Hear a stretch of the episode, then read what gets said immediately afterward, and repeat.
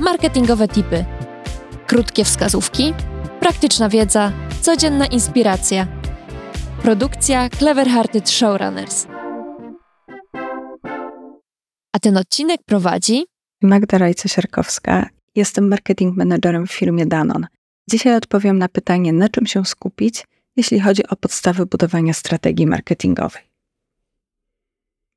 Budowanie strategii marketingowej to podstawa działania firmy, ponieważ zaczyna się już na etapie określania produktu. Pomaga ona efektywniej dotrzeć do klientów i określić wartość, która będzie płynęła z zakupu danego produktu. Kiedy myślimy o marketingu, często myślimy skrótowo o tworzeniu reklam. Etap ten poprzedza jednak praca wymagająca logiki, matematyki, a także kompetencji socjologiczno-psychologicznych. Jest to kompleksowy proces, który następnie przekłada się na tworzenie komunikacji na samym końcu. Co więc jest dla niego kluczowe i dlaczego? Pierwszym krokiem w budowaniu strategii marketingowej jest określenie posiadanego przez nas produktu bądź asortymentu produktowego i dobre zrozumienie tego, co oferujemy. Jest to ważne, żeby określić cechy unikalne produktu, jego kluczowe benefity, które ma dawać odbiorcom pod kątem właściwości fizycznych, czyli na przykład wygoda użytkowania, oraz emocjonalnych, na przykład produkt, który sprawi, że poczujesz się zrelaksowany. To, co produkt ma, robi oraz jak pozwala się czuć, czyli tak zwana drabina korzyści produktowych, będzie nam potrzebna na każdym etapie tworzenia brandingu czy komunikacji produktu. Rzeczy te warto określić na samym początku. Warto określać swój produkt w relacji do innych znajdujących się na rynku produktów, zaspokajających tą samą bądź zbliżoną potrzebę.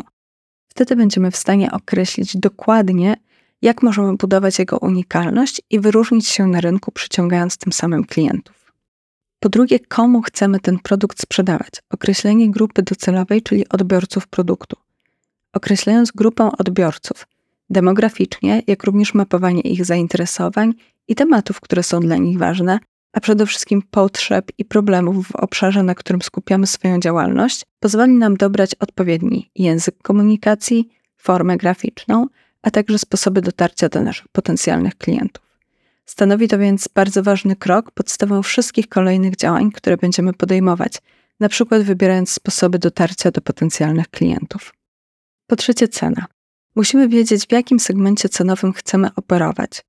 Czy nasz produkt to będzie usługa, która plasuje się jako rozwiązanie ekonomiczne, generyczne w stosunku do innych tego rodzaju produktów, mainstreamowe, skierowane do bardzo szerokiej grupy docelowej, ale posiadające cechy wyróżnialne, czy też premium, segmentu, gdzie jakość i wyróżnienie się będzie kluczowe.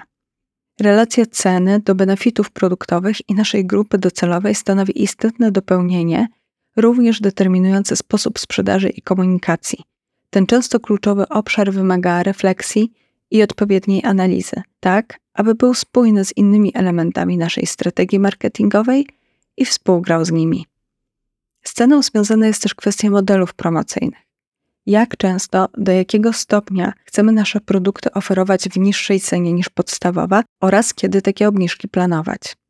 Promocja może działać jako dodatkowy boost dla sprzedawanych przez nas produktów, usług, jednak warto przekalkulować i dobrze przeanalizować, do jakiego poziomu ceny jesteśmy gotowi zejść, planując działania firmy, tak aby pozostały one dla nas opłacalne, a jednocześnie były atrakcyjne dla odbiorców i stanowiły dodatkową zachętę do zakupów.